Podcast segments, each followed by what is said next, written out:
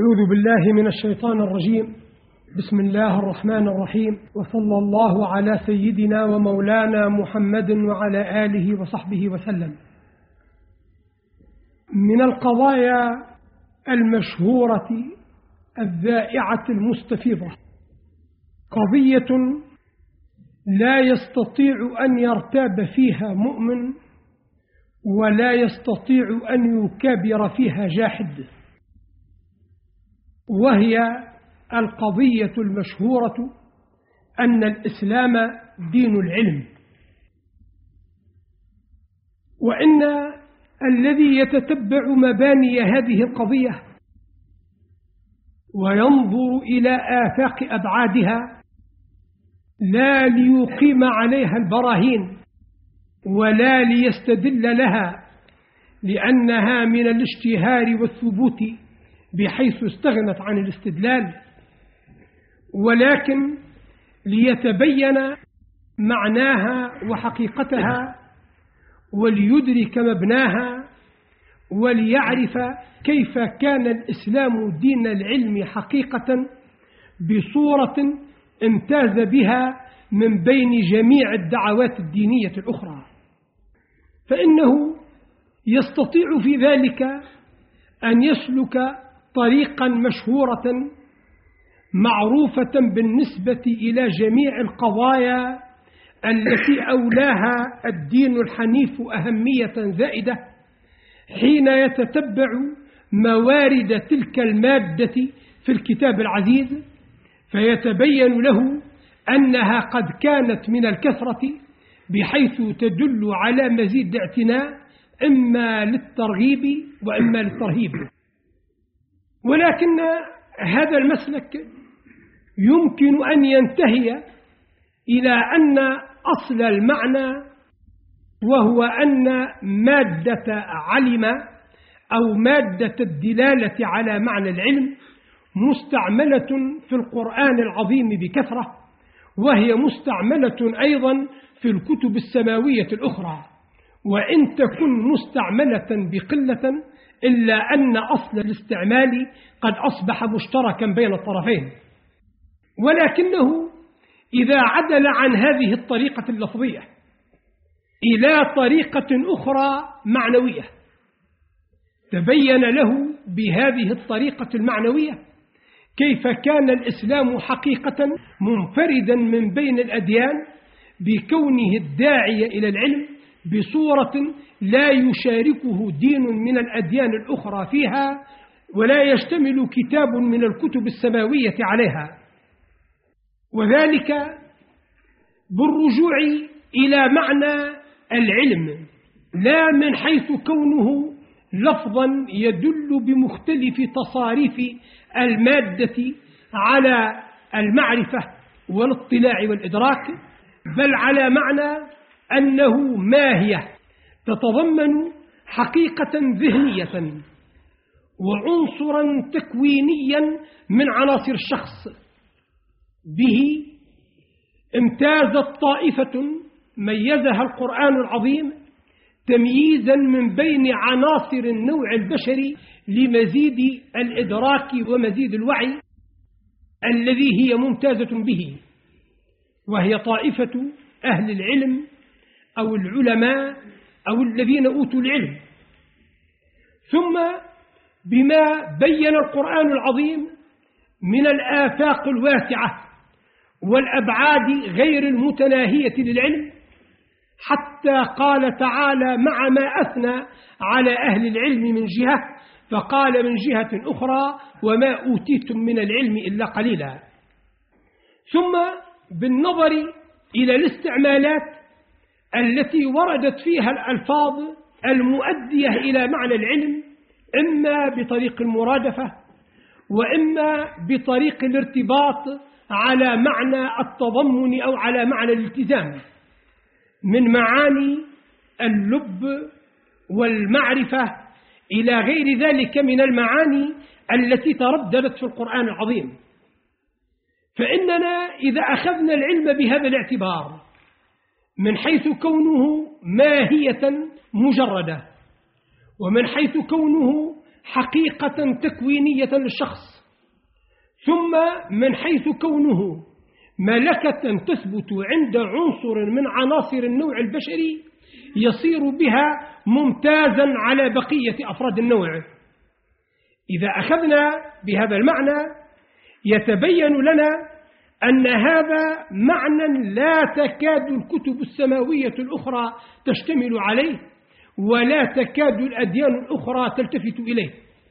فيشعرنا إشعارا حقيقيا بما للعلم من امتياز في الدين الإسلامي وبما للدعوة الإسلامية من ارتباط بالعلم من هذه الناحية وهي كونه عنصرا ذهنيا تكوينيا للفرد به ينال مقاما من الامتياز بين أفراد النوع.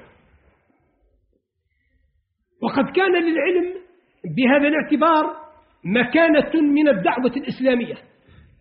نستطيع أن نبينها بأنها مكانة ذاتية لا عرضية وأنها مكانة أساسية لا تكميلية. بحيث إننا نلاحظ أن الدعوة الإسلامية انبنت على العلم وأعطت العلم مقام الحقيقة التي هي مبنى الدعوة وأساس الهيكل الإسلامي بحيث إن الإسلام متكونا بالعلم وأن دعوته نافذة إلى الناس من طريق العلم لا من طريق آخر وهذا يتضح عندما يلاحظ أن الدعوة الإسلامية بدأت دعوة غريبة وقد كانت غرابتها ترجع إلى ما انفردت به من الشمول والعموم من الشمول في موضوعها ومن العموم في متعلقها أعني في المخاطبين بها. ومن هذه الغرابة التي بدت في الدعوة الإسلامية اصطدمت هذه الدعوة في أول أمرها مع مسلمات كثيرة من القضايا الباطلة والعقائد الزائغة التي كانت الأمم على اختلافها تتمسك بها على ما بين تلك المسلمات الباطلة من اختلاف في مناشئها بين ما كان ناشئا عن عقيدة دينية وما كان ناشئا عن نظام اجتماعي وما كان ناشئا عن دعوة حكمية فلسفية. وبذلك تقررت عند الناس عقائد واصطبغت أوضاعهم الاجتماعية بتقاليد وانطبعت ذهنياتهم على مقاييس هي في حقيقة الأمر ليست مبنية على ما يقتضيها ولكن الناس التزموها التزام ما لا يلزم وسلموها بدون بحث فيها وبنوا عليها أوضاعهم الاعتقادية وأوضاعهم الاجتماعية وأوضاعهم الذهنية. فكان من الضروري لهذه الدعوة الغريبة وهي دعوة الإسلام حين اصطدمت مع هذه المسلمات الباطلة أنه يستحيل عليها أن تنفذ إلى تصورات الناس وتصديقاتهم مع رسوخ تلك المسلمات الباطلة في أذهانهم.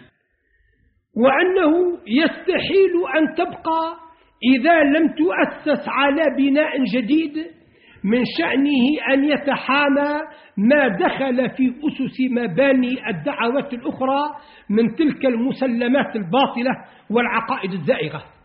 فاتجهت الدعوة الإسلامية حينئذ لضمان بلوغها ونفوذها إلى النفوس والأفكار ولضمان قيامها وبقائها إلى محاربة تلك المسلمات التي يصبح رسوخها مانعا من أن تنفذ الدعوة الإسلامية إلى القلوب أو أن تقوم هياكلها بين العقائد.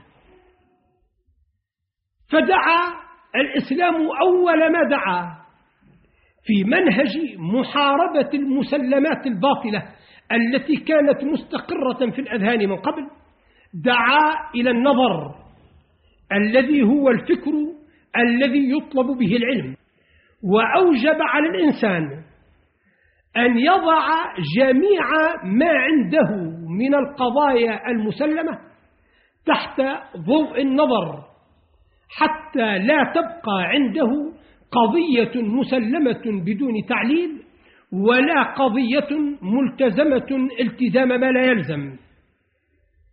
فأصبحت جميع المدارك الإنسانية بين مسلمات اعتقادية ومدركات ذهنية وأوضاع اجتماعية على اختلاف نواحي الأوضاع الاجتماعية أصبحت كلها موضوعة للنظر وخاضعة للبحث لأجل أن لا تبقى عند الناس قضايا مسلمة يسلمونها لأنهم لا يبحثون فيها ولا يبحثون فيها لأن عوارض تمنعهم وتصرفهم عن التأمل فيها والبحث في مبانيها.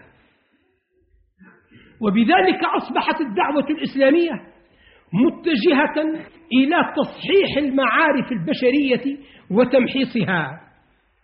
وهذا التصحيح والتمحيص إنما يرجع إلى فحص مناشئ جميع القضايا التي تتعلق بها الأذهان البشرية تصورا أو تصديقا.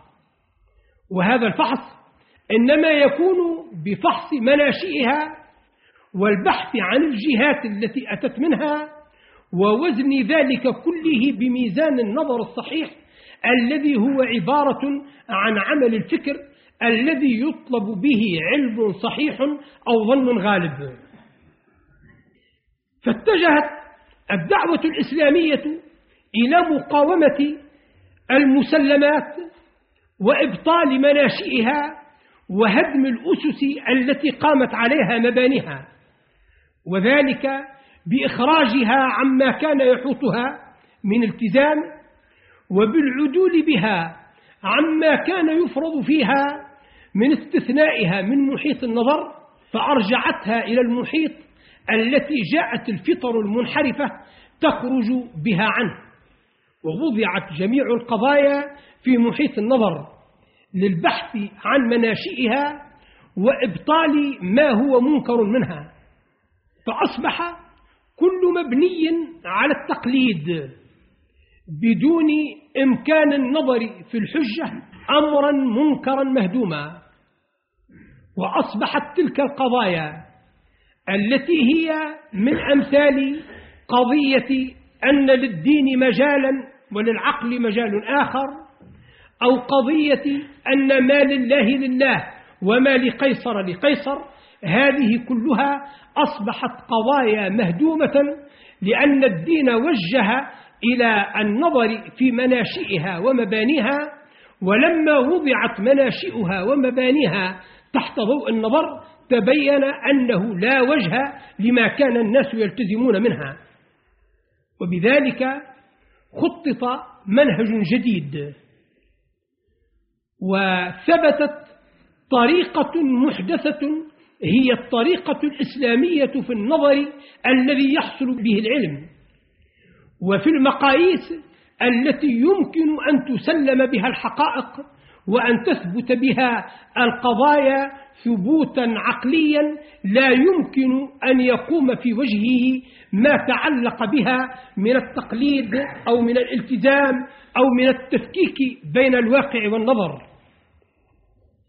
فجاء هذا المنهج الإسلامي الجديد الذي دعا إلى النظر على هذه الصورة ووضع القضايا المشهورة المسلمة موضع الشك والبحث والفحص والتمحيص أصبح منهجا جديدا مبنيا على طريقة تختلف عن جميع الطرائق التي كانت مسلوكة يومئذ بين ما سلكته الدعوات الحكمية وبين ما سلكته الدعوات الدينية. وقد ظهر استقلال هذا المنهج الإسلامي ومخالفته لجميع المناهج التي كانت معروفة يومئذ بين مناهج حكمية ومناهج دينية. ظهر ذلك في الأسلوب التربوي الذي أخذت به الدعوة الإسلامية الجيل الأول الصالح من المسلمين وهو الأسلوب الذي تناول ذلك الجيل الفاضل بتربية مبنية على تكرر الجزئيات حتى يحصل من تكررها الانطباعات الكلية الشاملة للمعاني المفرقة بين تلك الجزئيات وذلك بما تأتي به للناس كلمة الوحي وما يرشدهم إليه الهدي النبوي القويم. وبذلك أصبحت هذه الطريقة التي سارت على المنهج التربوي في التعلق أولا بالجزئيات والتمرين عليها حتى تخلص منها المعاني الكلية التي هي مشتركة بين تلك الجزئيات. أصبح هذا المنهج مبنيا على جزئيات هي مبثوثة منثورة في غضون الوحي الذي أتى به كلام الله تعالى وأتت به سنة النبي صلى الله عليه وسلم. فكان من الذين أتوا بعد الجيل الأول الذين لم يتكونوا بتلك العوامل التربوية التي جعلت الحقائق الإسلامية في نفوسهم ملكات وسلائق جعلتهم محتاجين إلى أن يرجعوا إلى تلك المعاني ليبحثوا عنها ويتتبعوا جزئياتها ويستخلصوا من تلك الجزئيات المعاني الكلية الجامعة حتى يقيموا بطريقة التعليم والتلقين ما فاتهم أن يقيموه في أنفسهم مما قام عند الجيل الأول الفاضل بطريقة التربية والسليقة ورسوخ الملكات. فذهبوا يتتبعون موارد الأدلة التي تضمنت ما جاء به كلام الله تعالى وسنة النبي صلى الله عليه وسلم من أصول وأدلة. تدل على المعاني التربوية التي تكون بها الجيل الأول ولا سيما فيما يرجع إلى هذه الناحية وهي ناحية حقيقة العلم وماهيته التي هي طريقة تكوين المدارك الإسلامية. وذهبوا في هذه القضية على الطريقة التي ذهبوا عليها في تحصيل مختلف العلوم.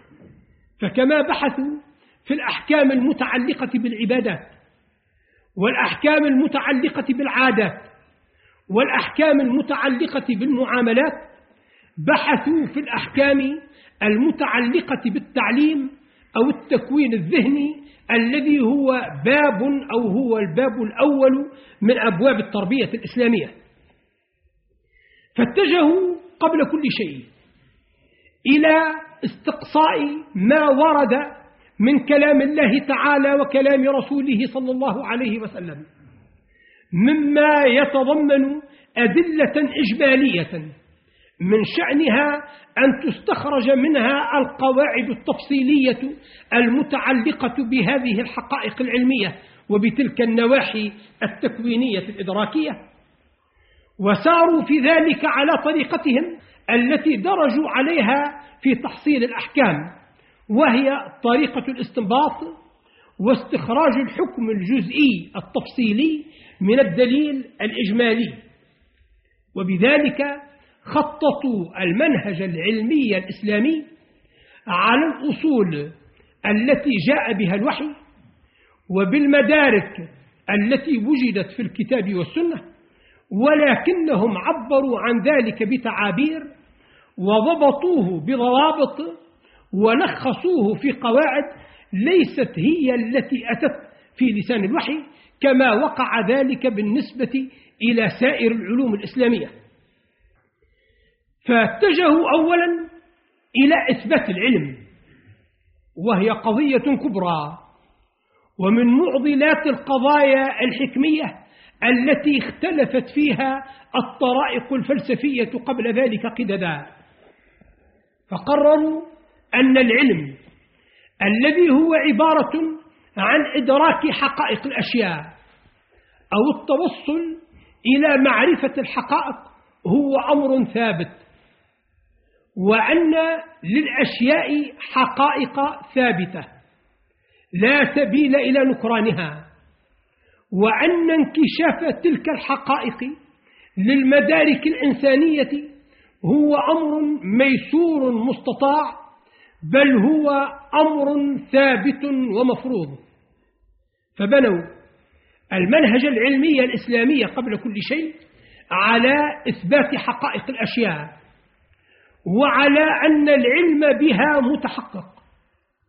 وسلكوا في ذلك مسلك مقاومة المذاهب الفكرية الهدامة من قبل التي هي مذاهب السفسطائية وهي التي تنكر المعلومات ولا تثبت حقيقة العلم وتدعي أن حقيقة العلم إما معدومة وإما حقيقة إضافية وليست حقيقة ثابتة ذاتية قارة.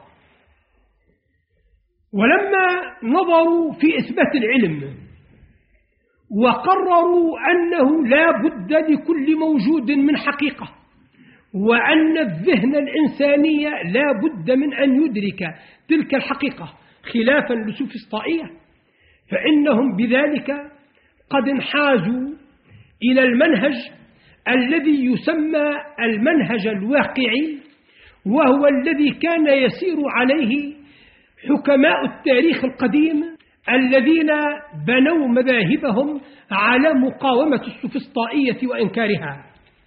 وهذا المنهج الواقعي وإن يكن المنهج الإسلامي قد انحاز إليه فإنه قد انحاز إليه على معنى يميزه عن جميع المسالك التي كانت سائرة في سبيل الواقعية مخالفة للمذهب السفسطائي فإن الواقعيين من الحكماء الذين تقدموا دعوة الإسلام قد كانوا في حقيقتهم واقعيين انحيازيين. لأنهم وإن أثبتوا حقائق الأشياء إلا أنهم في إدراكها قد اختلفوا فكل مذهب من المذاهب أثبت طريقا من طرق الإدراك وعطل طريقا آخر. فهنالك مثلا الحاسيون الذين أثبتوا إدراك الحس وأنكروا إدراك العقل. والعقليون الذين كانوا بعكس ذلك مثبتين لإدراك العقل نافين لإدراك الحس. فجاء المنهج الإسلامي الواقعي مخالفا لهذه الواقعيات الانحيازية وجاء مذهبا مبنيا على الشمول وعلى الاستقلال ومقررا لواقعية غير محصورة فهو مبني على الشمول لأنه يجعل جميع الحقائق الموجودة قابلة للإدراك ولا يستثني منها كما استثنت بعض المذاهب. ومبني على الاستقلال لأنه لا يتبع العقليين ولا الحاسيين ولا الإشراقيين لأن كل طريق من هذه الطرائق إنما أثبت منهجا للمعرفة وعطل مناهج أخرى. وكانت مبنية على الواقعية غير المحصورة أو الواقعية غير المنحازة لأنها بنيت على أن الواقع يستطاع إدراكه وأنه ليس في الواقع ما لا يمكن إدراكه وأن وسائل الإدراك كلها صالحة لأن تستعمل ولأن تحقق المطلوب من الإدراك باستعمال كل وسيلة منها في محلها فالحس للمدركات الحسية والعقل للمدركات العقلية والغيب للمدركات التي هي وراء المدركات الحسية ووراء المدركات العقلية وطريق تحصيله إنما هو الوحي. وعلى ذلك فإن قضية العلم حين وضعت في تاريخ التفكير الإسلامي وضعت من أول مرة على وضعين متباينين. أحدهما الوضع الإسلامي وهو الوضع الذي تتبع أدلته علماء الدين واستخلصوا من تلك الأدلة الأصول والقواعد وخططوا المنهج العلمي الذي سار عليه أهل السنة قبل نشأة علم الكلام ثم الذي بني عليه علم الكلام بعد نشأته على الطرائق التي سلكها المتكلمون في تقرير معنى العلم ووسائله وحدوده وطرق تحصيله. وأما الطريقة الأخرى فهي الطريقة المقابلة لهذه الطريقة وهي طريقة طائفة من المسلمين لم يتمكنوا من الحكمة الدينية تمكنهم الكامل وإن تمكنوا من غيرها تمكنا كاملا. وهم الحكماء الذين نشأوا على الحكمة المنقولة وتعلقوا بها وبمذاهبها وبرعوا فيها حتى ناظروا رجالها وناقشوهم في نظرياتهم. من أمثال الكندي والفارابي وابن سينا وإخوان الصفا. فهؤلاء إنما كانوا ينظرون إلى قضية العلم نظرا غير مؤسس على المنهج الديني لأنهم كانوا غير مستطيعين الرجوع إلى الأصول واستخراج القواعد والنظريات الجزئية منها فذهبوا يتبعون الطرائق القديمة والمذاهب البائدة في تقرير معنى العلم بصورة جعلتهم يشعرون من أنفسهم. قبل أن يشعر منهم غيرهم بأنهم سائرون على منهج لا يمكن أن يتساير ولا أن يتلاءم مع المنهج الإسلامي إلا على ضرب من التأويل. فذهبوا سادرين في طريقهم متعلقين بالمناهج المشائية والإشراقية وغيرها وأتى المتكلمون الأولون الذين تأثروا بذلك وهم المعتزلة فبدأوا يتأولون للجمع بين المعاني الدينية التي أنكر الناس تنافيها مع ظواهر تلك المقالات الفلسفية وبين تلك المقالات الفلسفية على معنى من تأويل هذا بذاك وتأويل ذاك بالآخر حتى ظهرت الطريقة الكلامية التي بنيت على ضبط ما هو مستخلص بأئمة السنة الأولين من القضايا التفصيلية التي هي مستنبطة من أدلتها الإجمالية فيما يرجع إلى حقيقة العلم وطرائقه وقواعد تحصيله. وقد وقع الذين تمسكوا بالمذهب العلمي غير الإسلامي وهو المذهب اليوناني في أغلاط فادحة. فمنهم من مال إلى تعطيل الشريعة بالتأويل مثل أخوان الصفا. ومنهم من مال إلى التفكيك بين نظريتي العلم والعمل فجعل علم الفقه من المطالب العملية التطبيقية التي يعود إليها قيام المدينة الفاضلة ولم يعطه حظا من المعارف النظرية مثل الفارابي.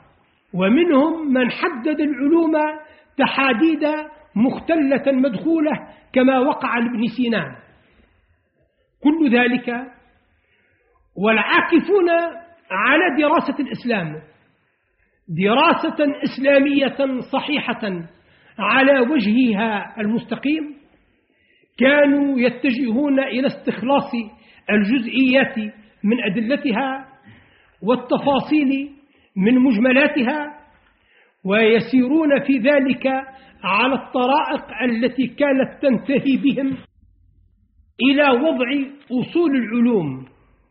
فقد وضع الإمام الشافعي في رسالته المشهورة أصول علم الفقه كما وضع الإمام مسلم بن الحجاج في مقدمة صحيحه أصول علم الحديث ووضع الإمام الأشعري أصول علم العقيدة ووضع الإمام القشيري أصول علم التصوف.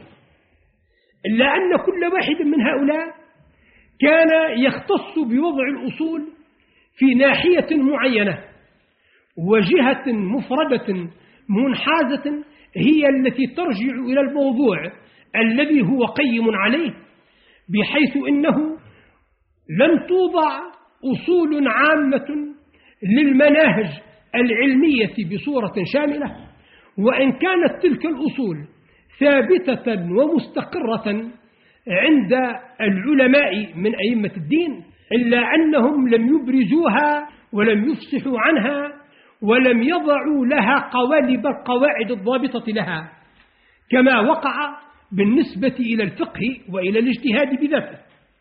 فقد مضت أجيال الفقهاء من الصحابة والتابعين وتابع التابعين وهم يتفقهون ولهم في فقههم منهج ولهم في عمل استنباطهم أصول إلا أنهم لم يكونوا يعبرون عن تلك الأصول ولا يضبطونها وإنما كانوا يشعرون بها شعورا وجدانيا ويبنون عليها عملهم بناء الأثر على النظر بصورة لم تظهر معها القواعد والنظريات إلا في منتصف القرن الثاني منذ بدأت تظهر المذاهب وبدأوا يتناقشون في حجية دليل من الأدلة دون حجية دليل آخر. فعلى هذا المنهج كان العلماء في نظرهم إلى قضية العلم. كانوا يشعرون بأن للإسلام منهجا خاصا به في العلم. وأن هذا المنهج بنيت عليه الطرائق التفصيلية التي تولد بها علم الفقه وعلم الحديث وعلم الكلام وعلم التصوف وغيرها من العلوم الإسلامية. ولكن الأصول الكلية والمنهج المشترك بين تلك الطرائق هو الذي بقي مكنونا في صدورهم لم يفصحوا عنه ولم يبينوه. كما كانت طرائق الاجتهاد عند المجتهدين الأولين قبل استقرار المذاهب. حتى جاء حجة الإسلام الإمام أبو حامد الغزالي فرجع إلى تلك المناهج الجزئية المختلفة من أصول علم الفقه وأصول علم الحديث وأصول علم الكلام وأصول علم التصوف وحاول أن يستخلص منها منهجا كليا جامعا هو عبارة عن المنهج العلمي الإسلامي أو عبارة عن المذهب الإسلامي في نظرية المعرفة. فحاول هذا العمل الجليل واطلع به خير اطلاع وبين في غير وضع من أوضاعه وغير تأليف من تآليفه القيمة ما يرجع إلى العلم وحقيقته وما يحمد منه في الإسلام وما يذم وما هي الأصول التي ينبغي أن يكون العلم قائما عليها بحيث إذا روعيت كان العلم في نظر الإسلام صحيحا وإذا لم تراعى كان العلم في نظر الإسلام باطلا. ومع ذلك فإنه هو بنفسه على جلالة قدره. لم ينجو من أن يقع في مساء خلاف بينه وبين إخوانه من أهل السنة فيما يرجع إلى أسباب تحصيل العلم حيث إنه لم يسايرهم في الاقتصار على أن أسباب العلم ثلاثة هي الحواس السليمة والخبر الصادق والعقل ولكنه أضاف طريقة أخرى وهي طريقة الإلهام أو الإشراق أو الكشف أو غيرها مما كانت عباراته صريحة في أنه غير متقيد بالمسالك التي تقيد بها الأولون لكنها لم تكن صريحة في ضبط هذا السبب الرابع من أسباب المعرفة ما هو. وعلى كل حال فقد بسط في كتاب إحياء علوم الدين وفي كتاب المنقذ من الضلال وفي المقالة التي كتبها بخطه لتلميذه وصفيه القاضي أبي بكر بن العربي أنه يرى أن النفوس تبلغ مبلغا من الصفاء والاستشراق بحيث تدرك المعلومات بدون وسائل. وهذا هو الذي أثار الطامة الكبرى من الإنكار على الإمام الغزالي من أصحابه وتلاميذه وهي التي أعادت الافتراق بين الصوفية وبين المتكلمين إلى وضعه الذي كان عليه قبل الغزالي حيث تمسك المتكلمون بأن أسباب العلم منحصرة في الثلاثة ومال الصوفية إلى أنها غير منحصرة وأنه ينبغي معها إثبات السبب الرابع الذي هو الإدراك بالإشراق. إن معنى العلم وكونه من المعاني الإسلامية الأساسية وكون الإسلام قد دعا إلى منهج معين في العلم وإن اختلفت الطرائق في ضبط ذلك المنهج تفصيليا كما وقع بين الغزالي وبين القاضي أبي بكر بن العربي فإن ذلك كله قد جعل من الضروري أن للإسلام نظرة إلى العلم وأن للإسلام منهجا في العلم كيفما كان بقطع النظر عن كونه يسير على طريقة الصوفية أو يسير على طريقة المتكلمين. ومن ضرورية هذه القضية نشأت ضرورية قضية أخرى وهي أنه إذا كان من الضروري أن الإسلام دعا إلى العلم وأنه قد سلك في العلم منهجا وأن هذا المنهج الإسلامي هو منهج خاص بالإسلام ينفرد به دون الدعوات الدينية والمذاهب الحكمية الأخرى فإن العلم بذاته قد أصبح وجوده ضروريا فأصبح من المعلوم الضروري. أن هناك حقيقة ثابتة يقال لها العلم.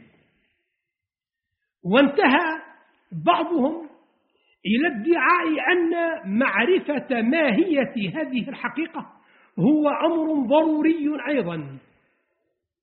فذهب الإمام فخر الدين الرازي إلى أن تعريف العلم غير مستطاع وأن حقيقة العلم ضرورية غير نظرية تعرف بدون تعاطي الأسباب المعرفة لها كما هو شأن المعارف الضرورية. وبرهن على ذلك بأن تفاصيل المعارف هي نظرية وأن القضايا النظرية لا بد أن تنتهي في مآلها إلى قضايا ضرورية كما صرح بذلك المناطق. وأنه إذا لم تكن حقيقة العلم ضرورية فإن التفاصيل العلمية لا تجد ضرورة تستند إليها وتبقى كذلك سائرة على النظريات التي وراءها نظريات بصورة غير متناهية تكاد تؤول إلى السفسطائية وقد بحث كثير ممن قبل الإمام الرازي ومن بعده.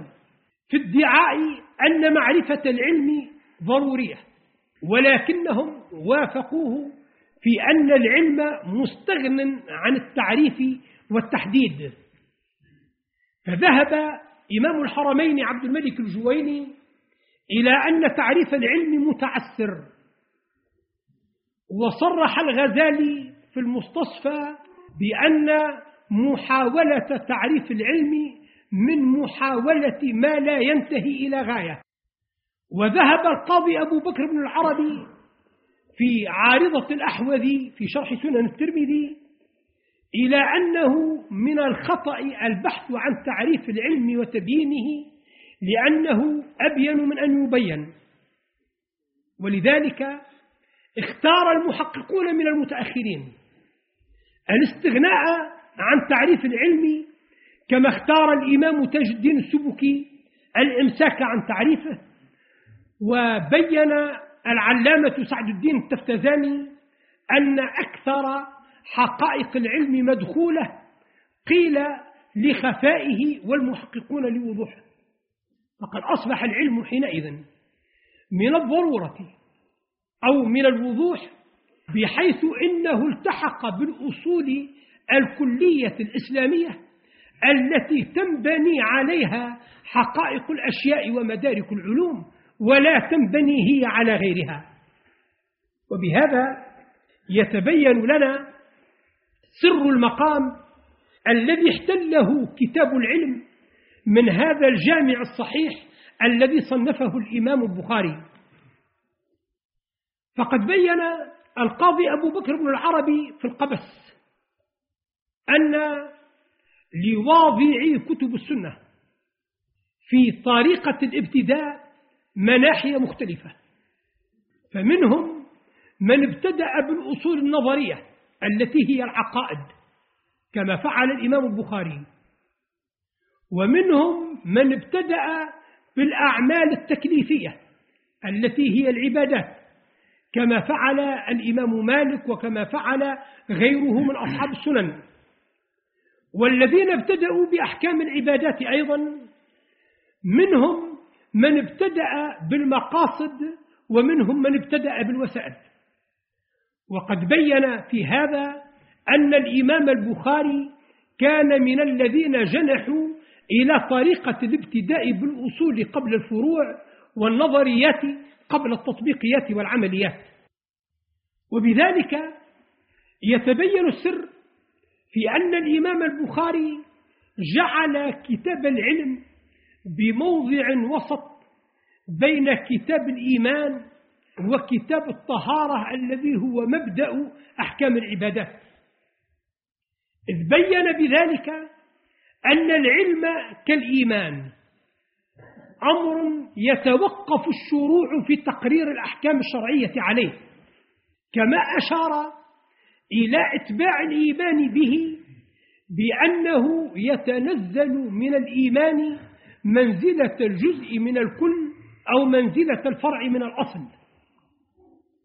وعلى ذلك جعل كتاب العلم بين كتاب الإيمان وابتداء أحكام العبادات للإشارة إلى أن العلم هو مادة البراهين القائمة على العقائد وهو مادة الاستنباط الذي تؤخذ به الأحكام المتعلقة بالأعمال التكليفية فهو حينئذ في مرتبة بين الإيمان وبين العبادة.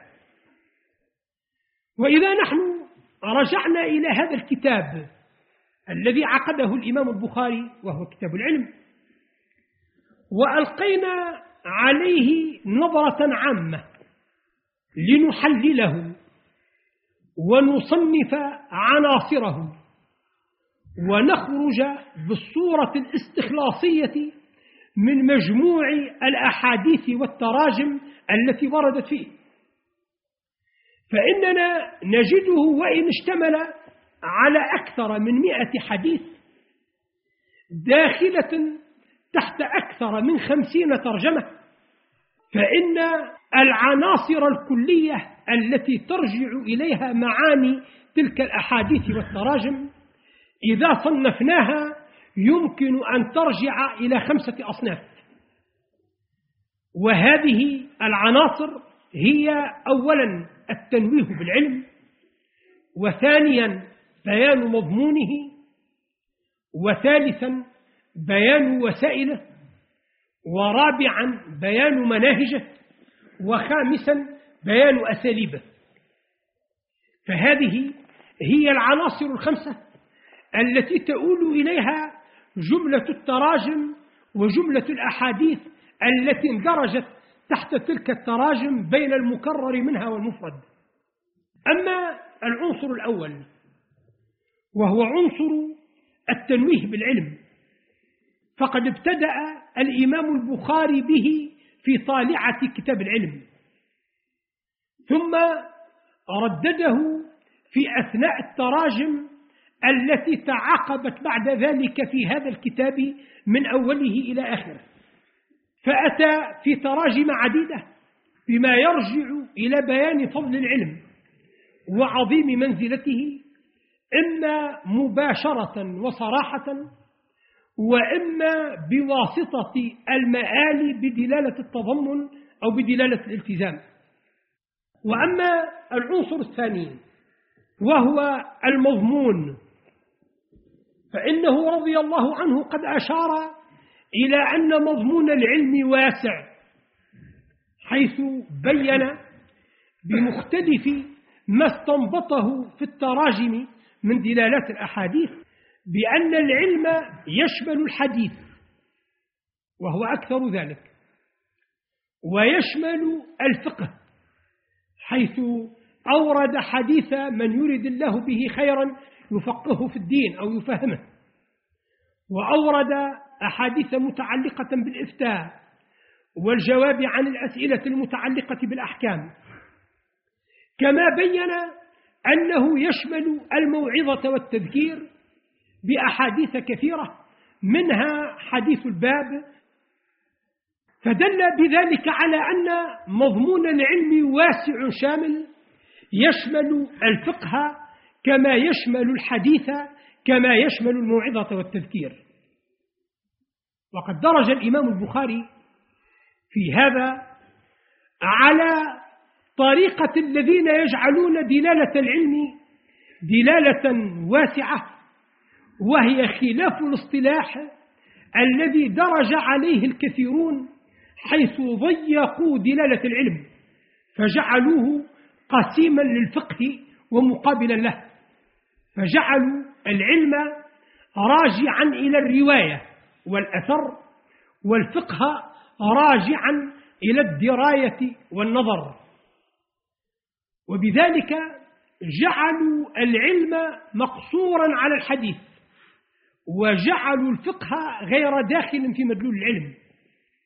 فبين الإمام البخاري بهذا أنه يرى سعة مدلول العلم وشموله وأنه يرى أن الحديث علم وأن الفقه علم وأن الوعظ والتذكير علم فكأنه يرى أن كل ما تحصل به المطالب علم وأن ما تحصل به المطالب الشرعية علم شرعي وما تحصل به المطالب العادية علم إنساني على ما أفصح عنه فيما بعد العلامة ولي الدين بن خلدون. وأما العنصر الثالث وهو عنصر الوسائل فقد بين الإمام البخاري أن وسائل العلم تكون بالتبليغ من المعلم للمعلم وتكون بالسؤال من المتعلم للمعلم وتكون بالكتابة كما تكون بالقراءة وقد تكون بتخصيص قوم دون قوم وقد تكون بتخصيص النساء دون الرجال وقد تكون في المحيط العام كما تكون في المحيط الخاص كما أشار إلى ذلك بترجمة من علم أمته وأهله. وأما العنصر الرابع وهو عنصر المناهج فإنه قد بين فيه جواز اتخاذ أيام معلومة لبث العلم وبين فيه جواز اتخاذ مواعيد للنساء وأخرى للرجال وبين فيه أن العلم يكون في مختلف الأوقات.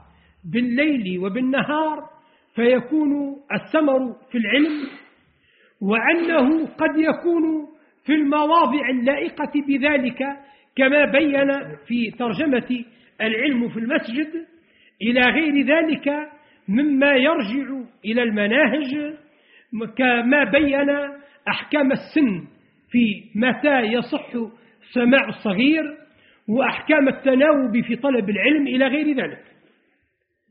وأما العنصر الخامس وهو عنصر الأساليب فقد تكلم فيه على الفهم والمراجعة والحفظ والإنصات والإعادة وذكر شيء مع ترك شيء مخافة أن لا يفهم والغضب من عدم فهم العلم وكيف يقبض العلم إلى غير ذلك مما هو راجع إلى الأساليب. وحديث موضوعنا هو كما لا يخفى راجع إلى العنصر الرابع وهو عنصر المناهج حيث إنه يرجع إلى جعل أيام معلومة للعلم. وهذا العنصر على العموم وهو عنصر المناهج سواء ما تعلق منه بموضوعنا الخاص وهو جعل أيام معلومة. أما تعلق بغير ذلك من المواضيع الراجعة إلى المناهج إنما هي عبارة عن صور عملية وأحوال تطبيقية. بحث الإمام البخاري كغيره من أئمة السنة والفقه على أدلتها ومداركها في موارد أدلة الأحكام من القرآن والسنة. ثم بعد ذلك استنبط من تلك الأدلة والمدارك الأحكام المتعلقة بهذه الصور العملية. وبهذا كانت هذه المطالب الراجعة إلى مناهج التعليم مطالب مندمجة في الأحكام الفقهية لأنها مطالب تفصيلية جزئية ترجع إلى الأدلة الإجمالية. ولأن الأحكام فيها تتكون كما تتكون الأحكام في غيرها من سائر المطالب الفقهية بطريقة الاستنباط. وقد جعل هذا الحديث الذي خرجه تحت هذه الترجمة وهي من جعل للعلم يوما معلوما جعله دلالة على مشروعية هذا المعنى. وذلك هو الحديث. المروي عن أبي وائل وهو من كبار محدثي التابعين وهو كوفي يروي عن عبد الله بن مسعود رضي الله عنه. فيما حدث عن عبد الله بن مسعود وهو المراد بعبد الله حيثما أطلق في صحيح البخاري. حديثا كوفيا منقولا بسند كوفي هو ابن أبي شيبة عن جرير عن منصور عن, عن أبي وائل. مستند إلى حديث نبوي منقول في الصحيح أيضا في الباب الذي قبل هذا بسند آخر هو بصري وهو محمد بن يوسف عن سفيان الثوري عن الأعمش عن أبي وائل. وهي طريقة من الطرائق اللطيفة التي يعبر عنها بلطائف الإسناد. وقد بين في هذا الحديث أن عبد الله بن مسعود رضي الله عنه كان يلتزم يوما معينا من الأسبوع وهو يوم الخميس لتذكير الناس. والمراد بالتذكير هنا ذكر الحقائق الدينية وربط المسالك الدنيوية بالنتائج الأخروية بصورة تثير ضمير المراقبة في الشخص الذي يذكر بحقائق المعاد لأجل أن يصلح بذلك المعاش.